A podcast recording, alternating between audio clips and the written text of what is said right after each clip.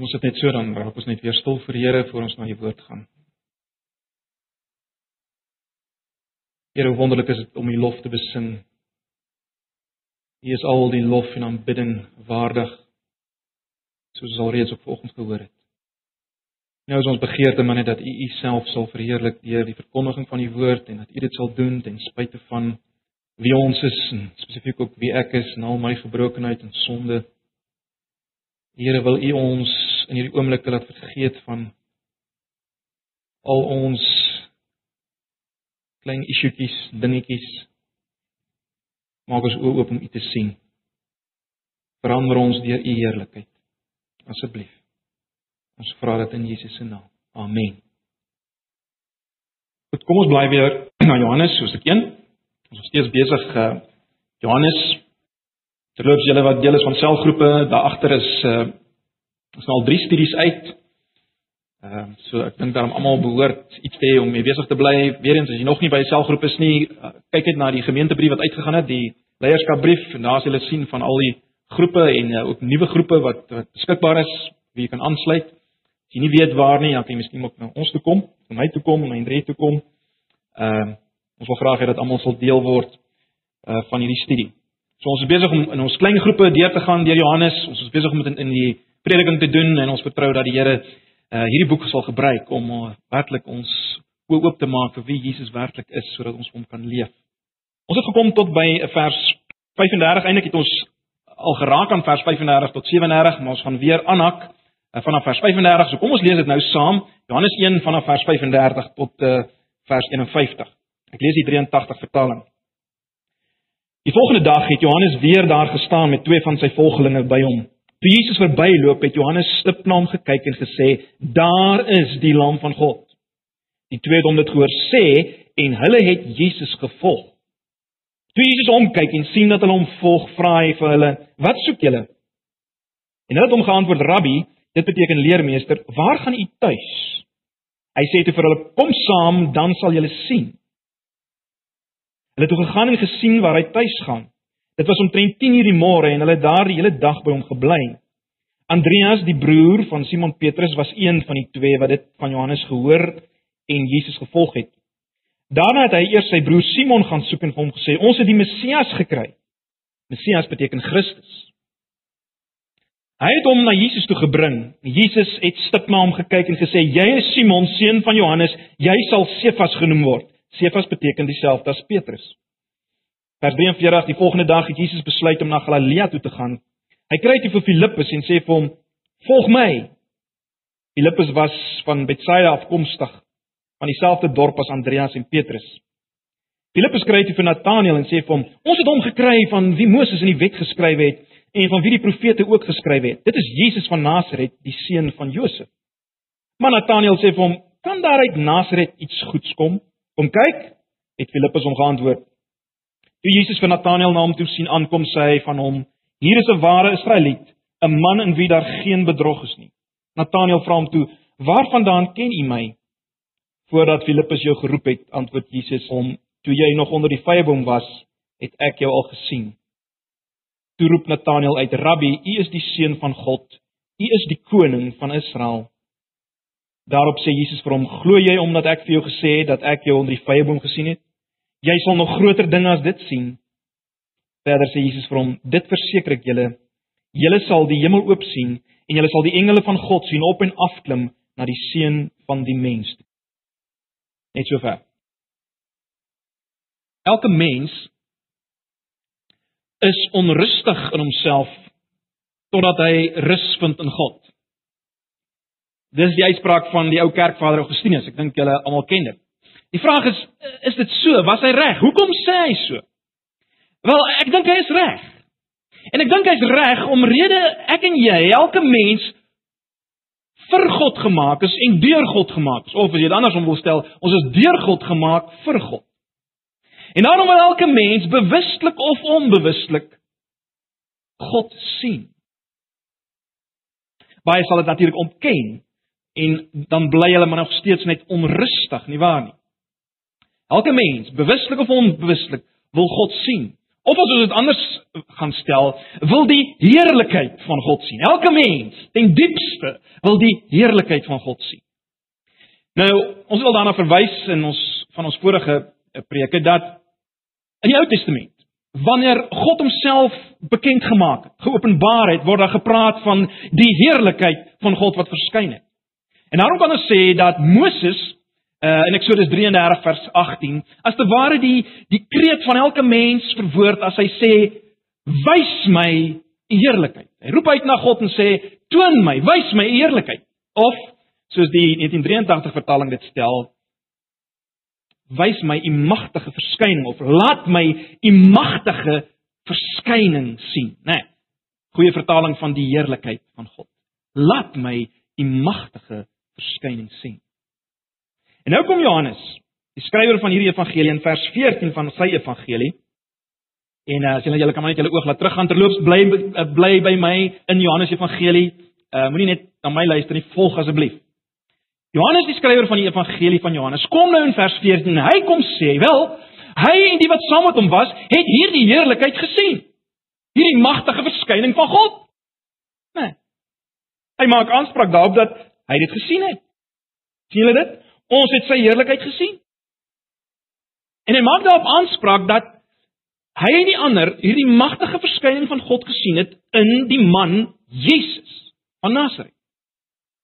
Die een wat mens geword het volgens vers 14.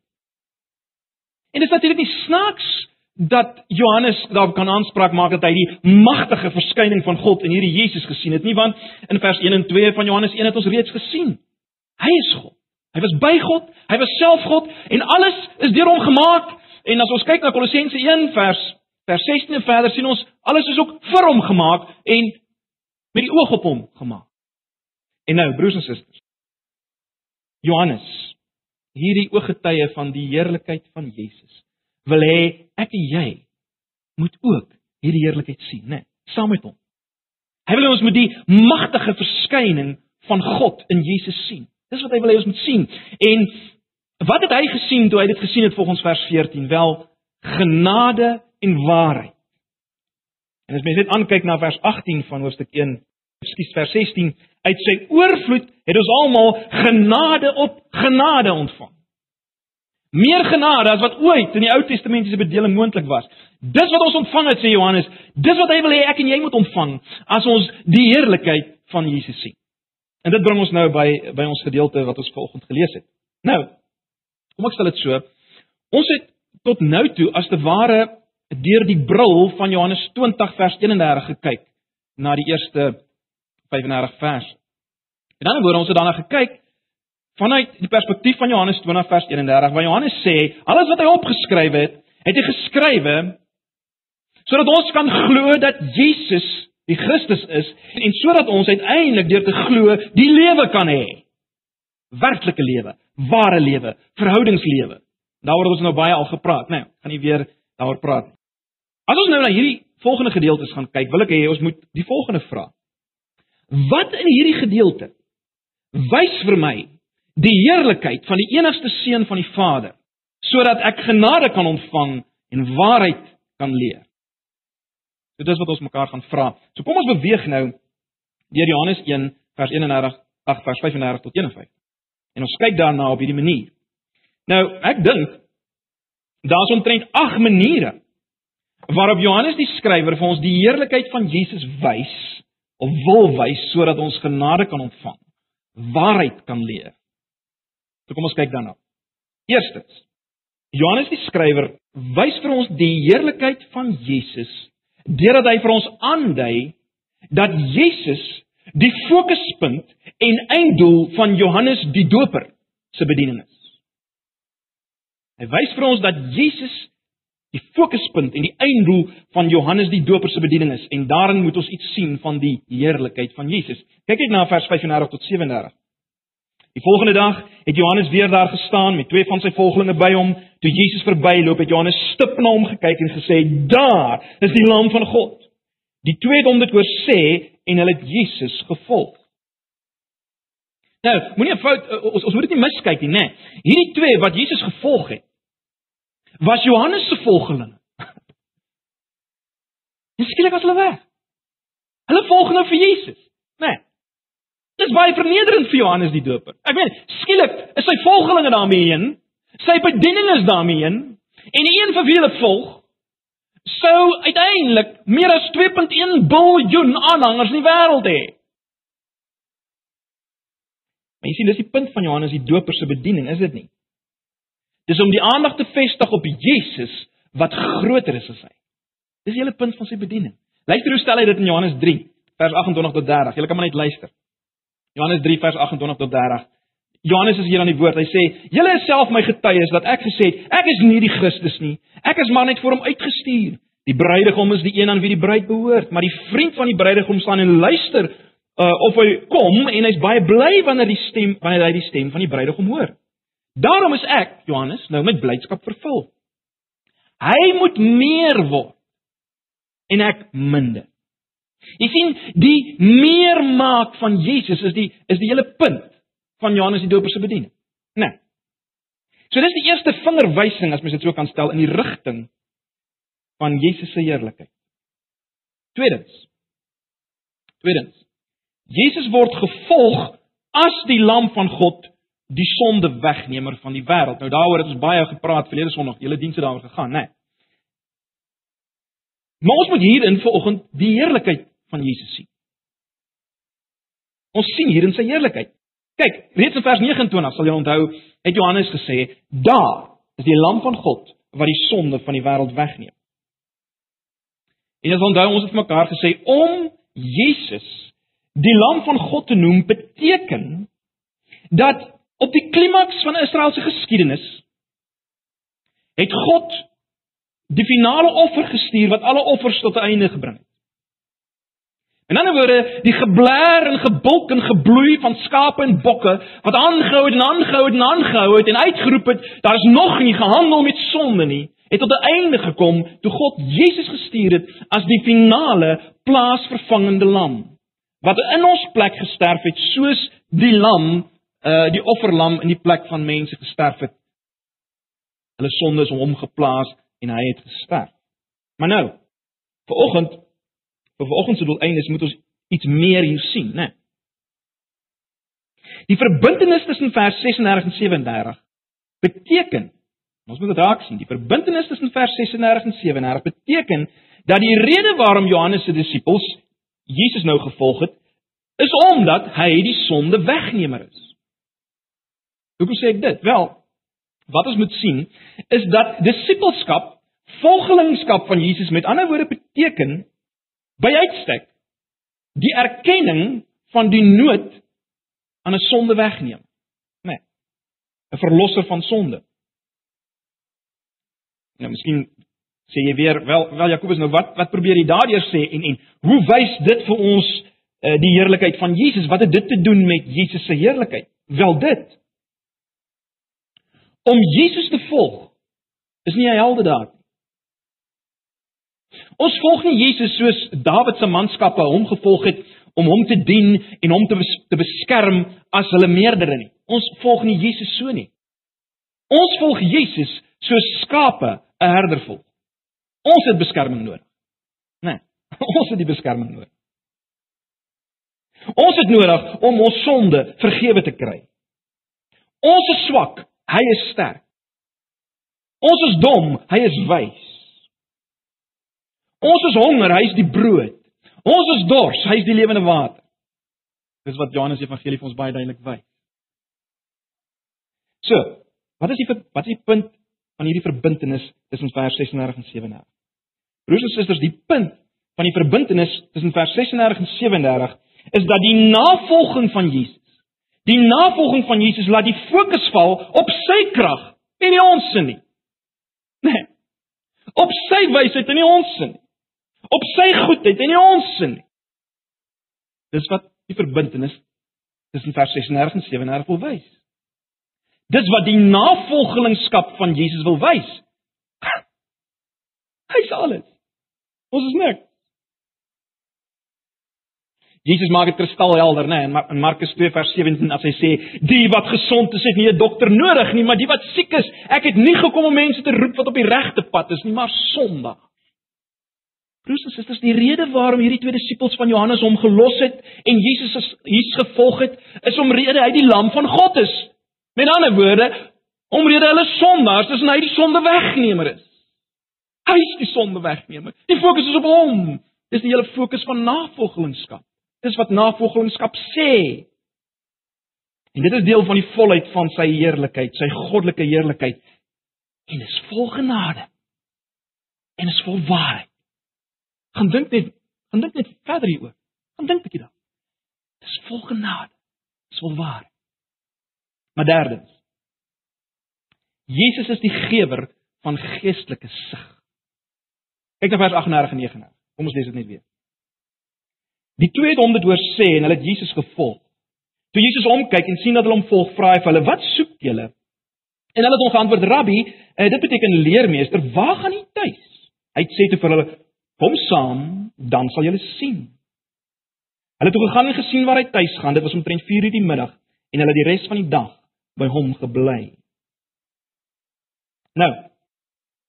Hier in hierdie verse begin ons iets sien van die wat ek wil noem veelvlakkige betekenis van sommige van Jesus en Johannes die Doper se uitsprake of woorde, die veelvlakkigheid daarvan.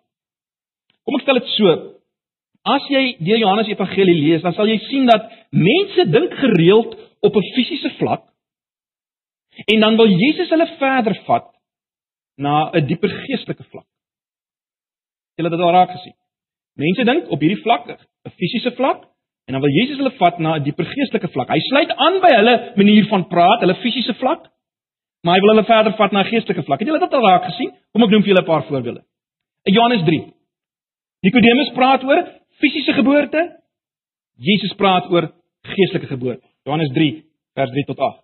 Die vrou by die put praat oor 'n fisiese put en fisiese water. Jesus praat oor homself as die lewende water, né? Die skare in Johannes 6 vers 30 tot 51, hulle vra vir fisiese brood. Jesus kom en hy sê dit gaan eintlik oor die lewende brood. Wie ek is. Die Fariseërs in Johannes 9, uh, hulle is bemoei met hierdie man wat blind is en wat blind gebore is. Jesus vat dit verder. Hy wil hê hulle moet sien, hy praat eintlik en dit gaan eintlik oor geestelike sien. Dit gaan nie oor fisiese sien nie. Hy sê onder andere in vers 39, ek het na hierdie wêreld toe gekom met die oog op 'n beslissing sodat die wat nie sien nie kan sien en die wat sien kan blind word. Aan die ander wyse die wat dink hulle sien dat dit duidelik word hulle is eintlik blind, nê. Nee. Dis waarvoor ek gekom het. Hy praat geestelike vlak. So. Terug by vers 37. As Jesus in Johannes 37 vra, "Wat soek julle?" Dan het hy iets dieper gevra as wat hulle gedink het. Kyk, hulle het hom gevolg en heel waarskynlik die verkeerde ding gesoek. Hoekom ek so sê, ons ons sien dit byvoorbeeld in Johannes 6 vers 26. Waar Jesus die volgende sê, Johannes 6 vers 26. Hy sê vir die mense, Dit verseker ek julle, julle soek my nie omdat julle die wondertekens gesien het nie. Met ander woorde, julle soek my nie omdat julle hierdie dinge gesien het wat op my dui nie, die tekens wat na my wys nie. Julle julle Dis nie hoekom julle my soek nie, maar julle soek my omdat julle van die brood geëet het en versadig geword het. Dis hoekom julle my soek. Dis nog van julle. So Jesus vra vir Johannes se disippels hier, "Wat soek julle? Wat wat, wat soek julle?" En as hy vanoggend hier was, broers en susters, sou hy waarskynlik na ons gekyk het en gevra het, "Wat soek julle? Wat soek julle?" Nou hierdie ouens het nie na hierdie vlak toe beweeg nie, né? Hulle vra bloot in vers 38. Kyk weer na vers 38. Hulle vra bloot, "Waar bly u?" Met ander woorde, ons soek u adres asseblief. Waar bly u? Nou, soos gewoonlik is Jesus baie geduldig, né? Nee, hy is geduldig met hierdie soort reaksie. En hy gee vir hulle as te ware nog 'n kans. Maar dan kom hy en hy gee vir hulle Nie 'n vraag nie, maar 'n bevel saam met 'n belofte. Vers 39. Kom saam en dan sal julle sien. Baie interessant. Kom saam en dan sal julle sien. Nou, op een vlak, as mens dit op een vlak sien, in aanhalingstekens, op een vlak daarna gekyk, kan dit net beteken wel, uh, julle sal sien waar ek bly. Kom saam en julle sal sien waar ek bly. So op op gewone vlak sou dit bloot dit beteken. Kom net saam met my en julle sal sien waar ek bly. Maar broers en susters, in die denke van Jesus en in die denke van Johannes die skrywer, uh beteken dit As julle waarlik na my toe kom, sal julle geestelik sien. Julle sal die realiteit sien. Julle sal geestelike sig hê. Let op, hy sê in vers 90, kom saam. Kom saam. Kom saam met my. Dan sal julle sien. Nou, as mens kyk na die Johannes Evangelie, om na Jesus te kom beteken weer en weer om jouself aan hom toe te vertrou en om sy beloftes te ontvang. Jy sien dit in Johannes 5 vers 40, Johannes 6 vers 35, 37, 44, Johannes 7 vers 37 ensovoorts. Weer en weer beteken die kom na Jesus om jouself aan hom toe te vertrou, sy beloftes te ontvang. Vertrou jouself toe aan hom, jy ontvang sy beloftes, dan kom jy na hom. En wat sien ons nou in hierdie gedeelte? Hulle het na na hom gekom, na Jesus gekom en hulle het vir die res van die dag by hom gebly. En nou fascinerend, kyk nou na die volgende twee verse, vers 40 en 41. Kyk, kyk, kyk. Daar wys dit dat hulle inderdaad gesien het. Hoekom? Want ons sien dat een van die twee wat Johannes gehoor het en Jesus gevolg het, Andreas, uh Simon se broer, uh hy het eers vir Simon ge gekry en dan sê hy van wat? Hy sê ons het die Messias gevind. sien julle dit? Ons het die Messias gevind. sien julle vers 41? Dan het eers sy broer Simon gaan soek en vir hom gesê, "Ons het die Messias gekry." So, wat sien ons broers en susters?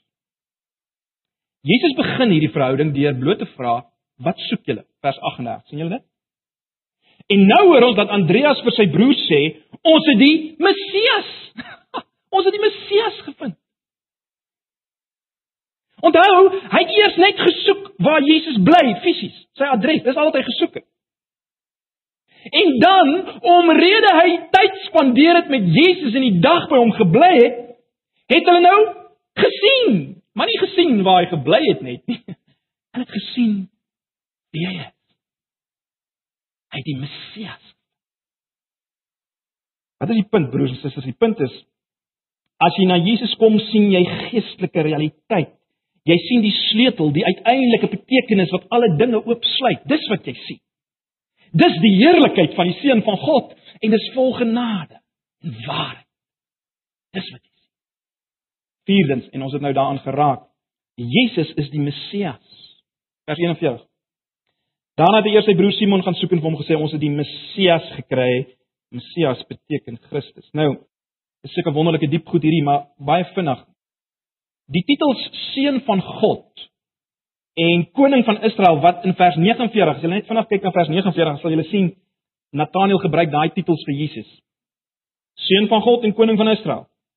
Nou dis twee titels wat in die Ou Testament gebruik word as as ware as tweeling titels vir die Messias. Dit word gebruik as wat ek wil noem tweeling titels vir die Messias. Seun van God en koning van Israel. As jy wil kan jy gou bly na Psalm 2 vers 2 tot 7 net twee verse daar lees. In vers 2 lees ons: Die konings van die aarde is in opstand, die leiers span saam teen die Here en teen sy gesalfde. Nou dis die woord Messias, né? sien julle dit? Messias. Die konings van die aarde is in opstand, die leiers span saam teen die Here en teen sy gesalfde of Messias. En dan in vers 6, ek gaan nou maar terwyl van tyd laat ons die ander verse uit. Vers 6. Dit is ek wat hom as my koning gesalf het op Sion my heilige berg vers 7. Ek wil vertel wat die Here aangekondig het. Hy het vir my gesê: "Jy is my seun. Vandag het ek jou vader geword." sien julle dit? Messias, koning van Israel en seun van God verwys na dieselfde persoon. En, en dis die agtergrond van die uitbarsting van Nathanael in vers 49 as hy roep: "Rabbi, U is die seun van God, U is die koning van Israel." Met ander woorde, U is die een wat ons verwag het. U is die een wat verwag is in 2 Samuel 7 en in Psalm 2.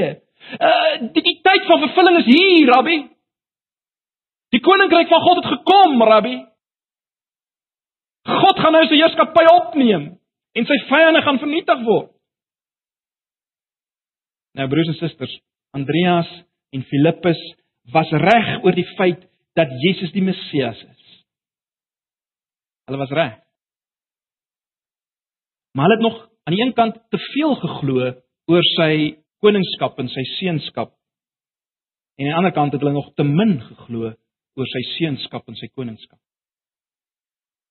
Ek sê hulle het te veel geglo want Want hierdie seun en hierdie koning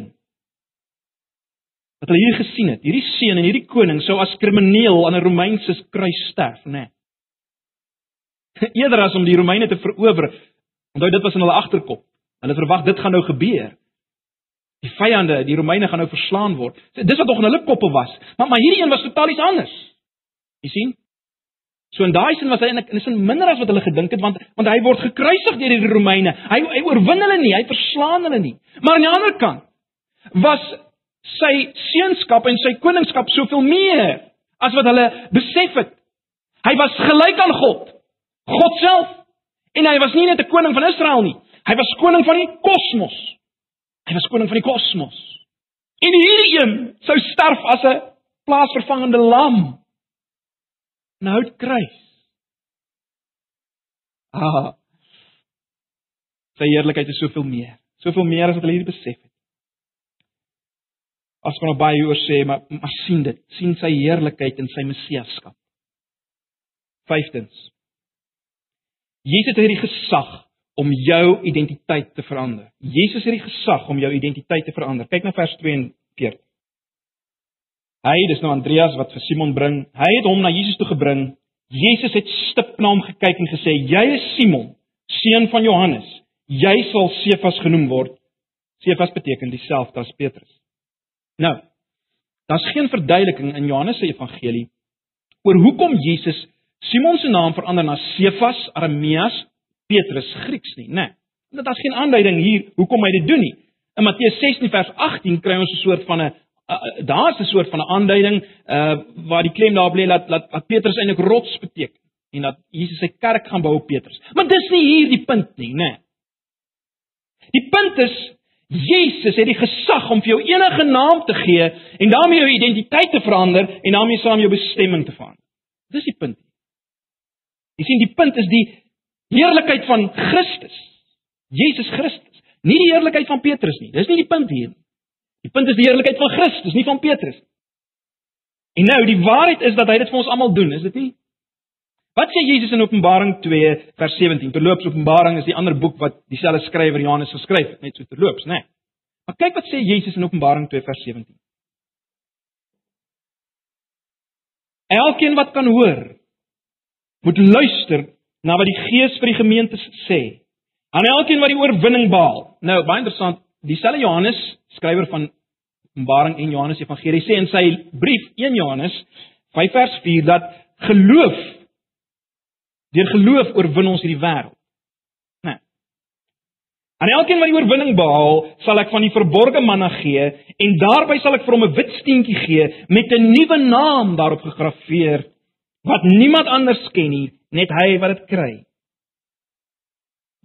Jy sien broers en susters, ons moenie die gesag mis wat ons kry hier in Johannes 1 vers 42 nie. Jy is Simon, jy sal Petrus genoem word. Punt. Net so. Jy is Simon, jy sal Petrus genoem word. Nie as jy daarvan hou nie. Nie as dit uitwerk nie, Nee nee nee, hier is absolute gesag. Hier is absolute gesag van Jesus om Simon te kies, om hom 'n naam te gee en om daarmee saam sy hele uh bestemming te bepaal. En broers en susters, daar's geen identiteit vir jou lewe wat beter is as die een wat Jesus jou gee nie. Ons ontvang genade op genade uit die volheid van sy gesag. Ons ontvang genade genade uit die volheid van sy gesag. Sestens. Jesus het die gesag om volgelingskap te beveel. In vers 43. Die volgende dag het Jesus besluit om na Galilea toe te gaan. Hy kry toe vir Filippus en sê vir hom: "Volg my." sien julle hoe dinge ontwikkel het. In vers 36 tot 37 het Johannes die Doper die ballaste waaraan die rol gesit deur te sê daar is die lam van God en dan volg sy twee disippels vir Jesus, né? Nee. Maar hier in vers 43 sê Jesus bloot vir Filippus: "Volg my." Jesus neem die inisiatief nou hier. So wat ons hier sien is dat die enigste seun van God ons sien dat hy die gesag wat hy het opneem en hy beveel navolgingskap. Later in Johannes in hoofstuk 15 vers 16 sal hy die volgende uitspraak maak. Hy sê: "Julle het my nie uitgekies nie, maar ek het julle uitgekies en julle aangestel om uit te gaan en vrugte te dra, vrugte wat sal hou." Nou, ons moet nie die fout maak op grond van hierdie vers om te dink dat ons nie Jesus hoef te kies nie. Ons moet hom kies. Jy moet hom kies. Jy moet na hom kom. Maar wat hy wil sê in Johannes 15 is dit: Wanneer jy my kies, Wanneer jy na my toe kom en my ontvang as jou lam, as jou brood, as jou water, as jou herder, dan sal jy weet dat ek jou eerste gekies het. Dis wat hy wil sê.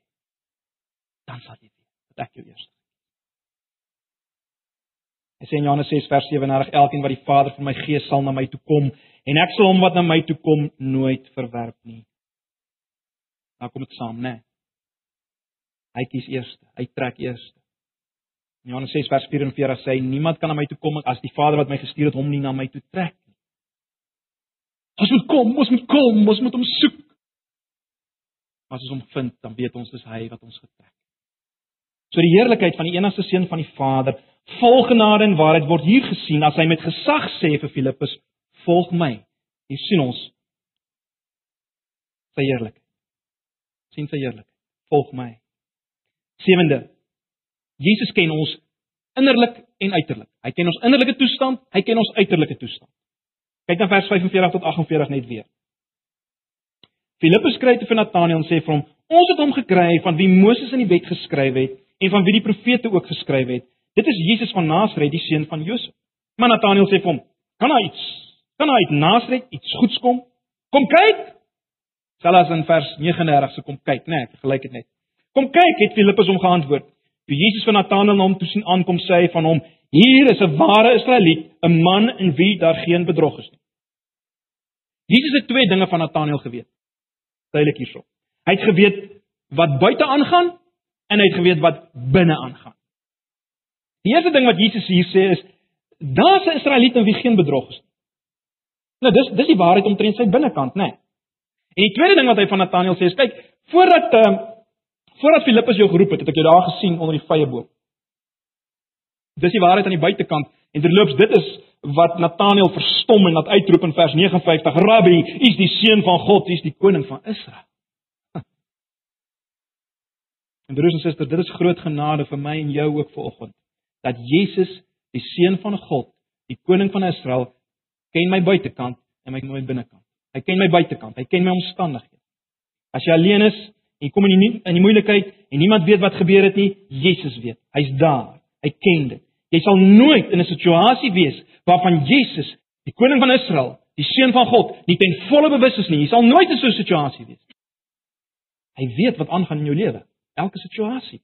En, en die ongelooflike is as jy glo dat hy jou liefhet en dat hy sterker is as enige mag in die wêreld, wel, broers en susters, dan is die feit dat hy jou omstandighede ken 'n groot genade, is dit nie?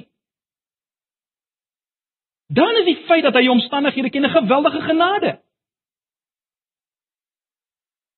Geweldige genade. Hy ken my omstandighede. Nooit ver van my af nie. Hy weet wat aangaan. Groot genade. Maar hy ken ook jou hart. En en dit mag dalk selfs nog nog soeter vir jou wees dat hy jou innerlike toestand ken. Kyk na vers 45. Uh Filippus sê vir Nataneel in vers 45 dat dat Jesus van Nasaret kom. En dan reageer Nataneel vanuit sy hart. Sonder enige verduideliking sê hy in vers 46: "Kan enige iets goeds uit Nasaret kom?" En onmiddellik as jy dit lees met jouself afvra, nou maar wat sal Jesus hiervan sê? Wat gaan Jesus hiervan sê? Ek nie, hierdie ou beledig, sê hy. Luister. En kyk nou in vers 47. Hier is 'n ware Israeliet, 'n man in wie daar geen bedrog is nie. Nou, ek dink nie ons moet hierdie stelling uit konteks neem nie. Ek dink nie hierdie stelling word uit die blou te gegee sonder enige verbintenis met dit wat nou vooraf gegaan het nie. Nee, ek ek dink nie so nie. Ons mag nooit die Bybel so lees nie terloops. Ek dink Jesus bedoel hier is iemand wat dinge sê soos dit is. Wat jy wat jy sien gaan jy kry by hom. Hy's nie 'n tweegesig nie. Hy hou nie van Nasaret nie. En dit mag verkeerd wees. Onthou, terloops net so in hakies, Jesus het nooit gesê ja, hierdie man is sondeloos nie. Dis nie wat hy gesê het nie. So dit mag verkeerd wees dat hy nie van Nasaret hou nie, maar jy weet wat jy kry by hom. Hy sê wat in sy hart is. Hy's nie twee gesig nie. Hy's nie vals nie. Hy gee nie voor nie. So Jesus ken Nataneel se hart. Hy ken Nataneel se hart. Jy al ooit gedink hoe goed dit is dat hy jou innerlike ken, jou innerlike toestand ken? Hy ken dit beter as jou man, beter as wat jou vrou dit ooit sal ken of jou kinders, jou pa, jou ma as jy kind is. Hy ken dit beter. Hy verstaan jou hartseer beter, jou woede, jou begeertes, jou vrees. Niemand anders verstaan dit dalk nie, maar hy verstaan dit werklik. Hy ken jou binneste. Ag ons kan so baie hieroor sê. Maar jy moet dit volgens vat. Jesus verstaan jou totaal geheel en al. Hy verstaan. sien die genade en sien die waarheid daarin volgens. sien die heerlikheid van God. Onthou, ons is besig met God. Hierdie is God. Dis die magtige verskyning van God. God is iets anders as dit. Dis God. Laaste. Nie lekker geweet hoe om dit te, te formuleer nie, maar Jesus, die seun van die mens, is jou verbintenis met die hemel en is die een wat jou kan seën. Jesus, die seun van die mens, is jou verbintenis met die hemel en hy is die een wat jou kan seën. Kyk 'n bietjie na vers 51. Kyk na vers 51. Verder sê Jesus vir hom: "Dit verseker ek julle, julle sal die hemel oop sien en julle sal die engele van God sien op en af klim na die seun van die mens toe." Onthou julle Jakob se droom in Genesis 28 vers 12? Kinders, miskien onthou julle dit. Ken daai droom? Jakob van die die leer met die engele, ken julle dit? Hulle ken dit, né? Nee. Jakob het 'n droom, engele wat opklim op 'n leer op en af na hom. Nou, wat gaan daar aan? Wel in Jakob se droom herbevestig God sy verbond met Abraham. Die verbond aan Abraham dat hy dit wat verkeerd geloop het in die skepping gaan omdraai en gaan seën, Abraham en sy nageslag gaan seën. Hy bevestig dit aan Jakob dat die seën deur Jakob en sy nageslag gaan kom. God bevestig dit aan Jakob. Alle volke sou deur Jakob geseën word, né? Nee, hy is nou die afstammeling van Abraham. Almal sou deur hom geseën word. Dis by hierdie geleentheid wat Jakob hierdie droom sien. Jy sien vir Jakob is dit net 'n droom dat hy as te ware die die kontakpunt is tussen hemel en aarde. Dat die, dat die engele op hom afklim as te ware, die seën van God deur hom gaan kom. Dit is vir hom net hier 'n droom, maar nou word dit realiteit in Jesus. Maar wat sien ons? Die engele klim nou nie meer op en af na Jakob toe nie. Hulle klim op en af na die seun toe. As te ware deur die seun, op die seun. Klim hulle op en af. Wat is die punt? Wat wat wil Jesus hier sê? Jesus wil sê hy gaan Jakob oortref as die as die bron van God se seëning. Hy is nou die een deur wie die seëninge sal kom. Hy is nou die verbintenis tussen hemel en aarde. Hy is die een deur wie die seën kom. Nie nie, nie Jakob. Dis nou 'n realiteit. God se seën vir die nasies is nou 'n realiteit deur Jesus. Dis wat dis wat vers 51 probeer sê. Hy is die verbintenis tussen hemel en aarde. Dis nie meer 'n leer nie, dis hy. Dit is interessant as mense nou beweeg na hoofstuk 2 en 3 dan dan dan dan dan sê Jesus hy is die huis van God. Ons sal daarna kyk. Wat het Jakob gesê daar in in in in Genesis 28 toe hy die droom kry? Wel hy het gesê hierdie plek is die huis van God. Jesus sê ek is die huis van. Jesus maak daarop aanspraak dat hy die weg na die hemel is. Wat wat het Jakob by daai geleentheid gesê? Hy het gesê dis die poort na die hemel. Hierdie hier is die poort na die hemel. Ek meen dis die poort na die hemel. Jesus kom en hy sê ek is die poort na die hemel. Ek is die poort na die hemel. Ag, en broers en susters. Ons reaksie moet in 'n sin dieselfde wees as die van Jakob, is dit nie? Jakob het gesê, "Hoe geweldig is hierdie plek." Dit is 'n geweldige plek hierdie man. Hoe geweldig is hierdie plek? Ons moet sê, "Hoe geweldig is hierdie persoon." Hoe geweldig is hierdie persoon? En hoe geweldig is hy? Wel hy is die seun van die mens. Nou ag, ons het ek uh, weet ons is 'n bietjie laat vanoggend. Die seun van die mens. Dis hierdie figuur wat ons kry in Daniël 7, né? Vers 13 en 14. Luister net wat word gesê van hierdie seun van die mens. Ons sien duideliker die titel seun van die mens in die 53 vertaling.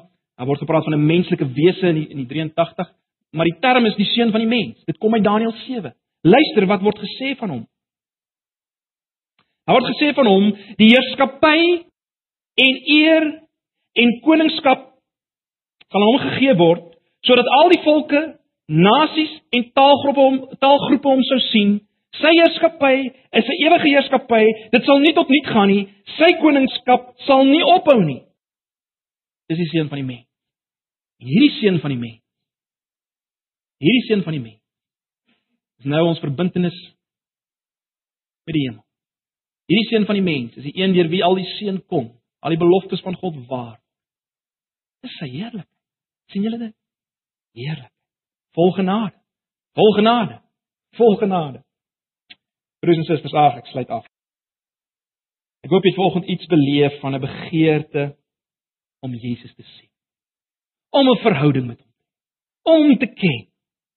Ek meen want hier is hier is heerlikheid. Dit waar jy na jy smag daarna, né? Nee. Jy smag na genade. Daar's so min genade in hierdie wêreld. Jy smag na genade. Jy smag na waarheid. Dit is hier in hom. Dis in Jesus. Meer as wat enige persoon dit kon beleef in die Ou Testament, kan ek en jy dit beleef. En net heel laastens, ons sien terloops hier wat is 'n ware disipel, is dit nie? Ons sien hier wat is 'n ware navolgeling van Jesus. Wat is wat is hy? Hoe lyk hy? Wel as iemand wat aan die een kant Jesus gesien het vir wie hy is, met ander woorde wat wat weet wie hy is, maar aan die ander kant iemand wat hom beleef het. Wat hom beleef het. Nee, hierdie twee goed moet saamgaan. Kopkennis en belewenis van Jesus is, is so belangrik. Een kan nie sonder die ander nie. Mense wat die waarheid gesien het, maar as mense wat genade ontvang het. wat dit beleef het, die genade. Gesien, maar dit beleef. In ander woorde, dis mense wat ja, wat kennis het van Jesus, maar ook 'n belewing het van Jesus. En en dis dis disippelskap. Dis die navolging van Jesus. Ag, broers en susters. Ek hoop ons het iets gesien van die heerlikheid van Jesus. Iets van die magtige verskyning van God in Jesus in hierdie verse. Ons het 'n klare belofte hier, net dat ons meer gaan sien. As julle verstom hier hoor sê Jesus, julle gaan meer sien. En uh, mag dit wees dat ons meer gaan sien van wie hy is. Kom ons sluit af. Eerlike Here Jesus, baie dankie vir wie u is. Vir wat ons gesien het van u vanoggend in hierdie gedeelte. Geef ons dat ons dikwels hierdie dinge mislees omdat ons so oorbekend is met die woord, so gemaklik is daarmee dat ons nie meer fyn kyk en luister en sien wat u vir ons wil sê nie. Openbaar Uself aan ons. Beweeg ons tot aanbidding van U. Asseblief. Ons vra dit in Jesus se naam. Amen. Kom ons sluit af.